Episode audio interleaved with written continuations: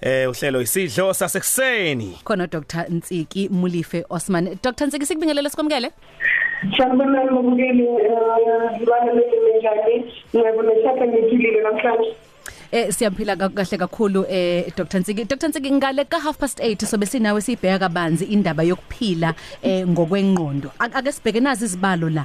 17 million eningizimu Afrika wabantu babhekene eh nokuthikamezeka thizeni sibala o depression njalo njalo. Kunjalo impela.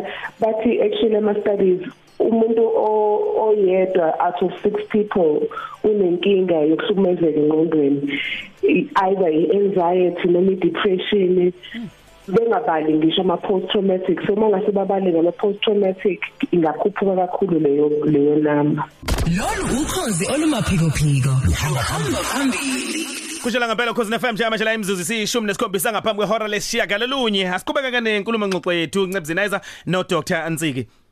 Dr Ntsiki siqalile ingxoxo yethu sikhuluma ngendaba yokuphila ngokwengqondo sibheka izibalo I- i- into ke e- efika emqondweni kimina eh Dr Ntsiki yile yokuthi uhlukanisile ukuthi kukhona eh i- i- iz- izimo mhlawumbe es- esingazibalo depression substance abuse anxiety bipolar disorder no schizophrenia eh o- okutha- okuthatheka sengathi i- izifo zengqondo lezo e- ekusuke kubheka ukuthi umuntu alapheke kuzona.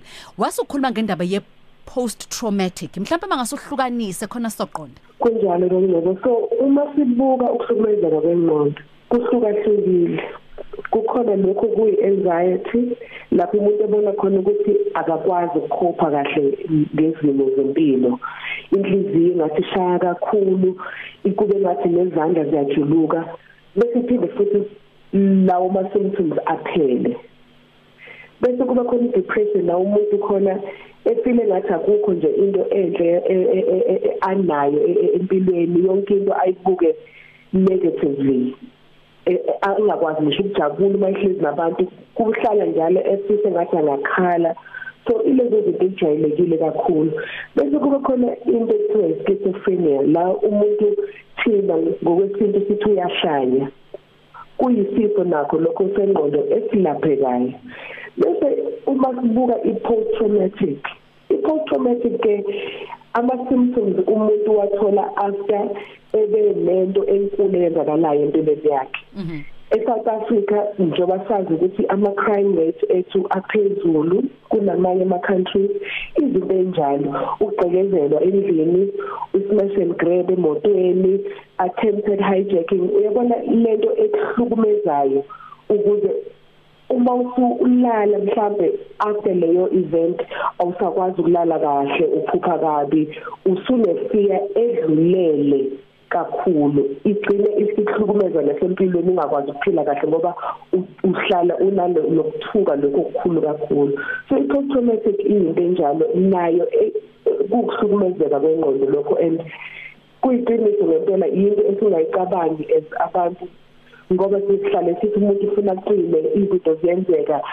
Yabona simgxeke ukuthi mhlambe a- a- akakwazi ukumanage kahle impilo kanti sekuthola ukuthi in- ingqondo yakhe isihlukumezekile mhlawumbe uma si- sibheka la Dr Ntsiki ngilalela indlela ochaza ngayo ukuthi uthola ukuthi umuntu mhlawumbe eh njengoba besho khathide u Dr Ntsiki ukuthi mhlawumbe umuntu akasalala ebusuku siyaqhaqhazela.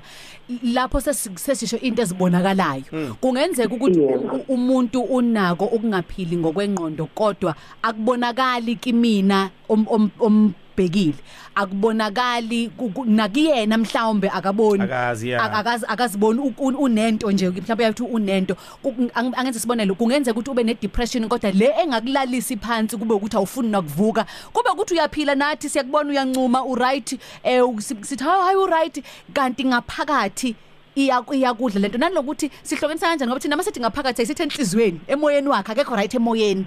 Singakwazi ukubona ukuthi leyo nto isemqondweni isengqondweni.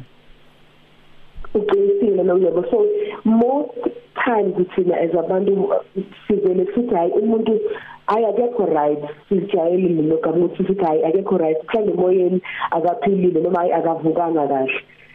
Kuyimpawu lezo ngoba uma sibheka ukuhlukumezeka kwengqondo awuvuki nje usula ungasalali khona ungasadli u- u- ungasafuna uphuma endlini. Kuqala kancane kancane.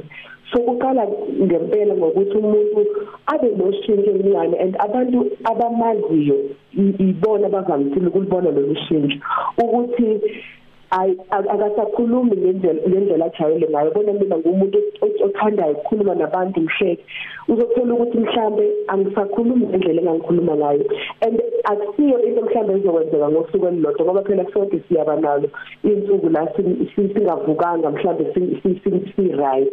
Kodwa isiyenzeka iphinda phindeka kugcine impela engathi lo muntu useshintshile kulo muntu kade yena ilezi zinto ezincane ke funa sibheke emntwini especially umndeni waloyo muntu noma abantu asebenza nayo. Abantu abambonayo njalo ukuthi ba inquiries ukuthi u- u- u- yini eyenzakalayo empilweni yakhe yini emenza ukuthi ashintshe noma ushintsho singalibuka mhlambe sithi lincane kodwa lolo shintsho lisuke liyi-red flag manga ngisho kanjalo ukuthi umuntu sim-engage kumbuza ukuthi kwenzakalani. u- uright emsebenzini uright ekhaya yini into ongakhuluma ngayo? Cause uthola usu- ukuthi imvamisa yalezi zinto ziqala ngento ongakhuluma ngayo ugcine u- usungcono. Kodwa ezi zikhula zikhula zigcina ngempela imigqondo isihlukumezeka la usudinga khona ukuthi ubone udokotela uthathe amaphilisi ubone ne-psychologist Mm, kuyezwakala eh Dr Nsiki m- manje yini indaba abantu abaningi bengavumi eh ukuthi basuke begula ngokwengqondo?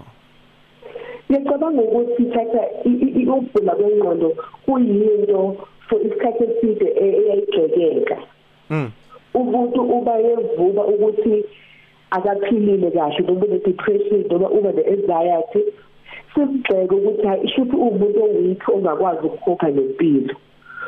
And leyo stigma iyona edala ke umuntu ukuthi noma seyibona naye ukuthi hey engathi angiphilile aphinde futhi akuphebeze athi hayi ngi-right ngoba esuke esaba ukuthi abantu bazokubuka ngendlela ehlukile. Asibuki njengesigulo esifana noshukela noma isigulo esifana ne- ne-blood pressure yabona? Siyibuka ngento engathi umuntu usuke ngakhophi kahle ngempilo and ilokho esifuna sikushintshe engqondweni zethu. Dokotela siyabonga kakhulu. Eh nangokuzayo sophinde sikuthinte mangabe kuphakama udaba olufanayo njengoba uhlala usizo nje kithi ukusichazela ngezinto ezinjengalezi. Siyabonga kakhulu dokotela sikufisela usuku oluhle. Ngiyabonga kakhulu nami nibe nosuku oluhle. uDr Nsiki Mulifu Osman eh bayisambeli sethu namhlanje. uDr Nsiki ke siyasibe naye sibheke kakhulu izinto eziphathelene nokuphila ngokwengqondo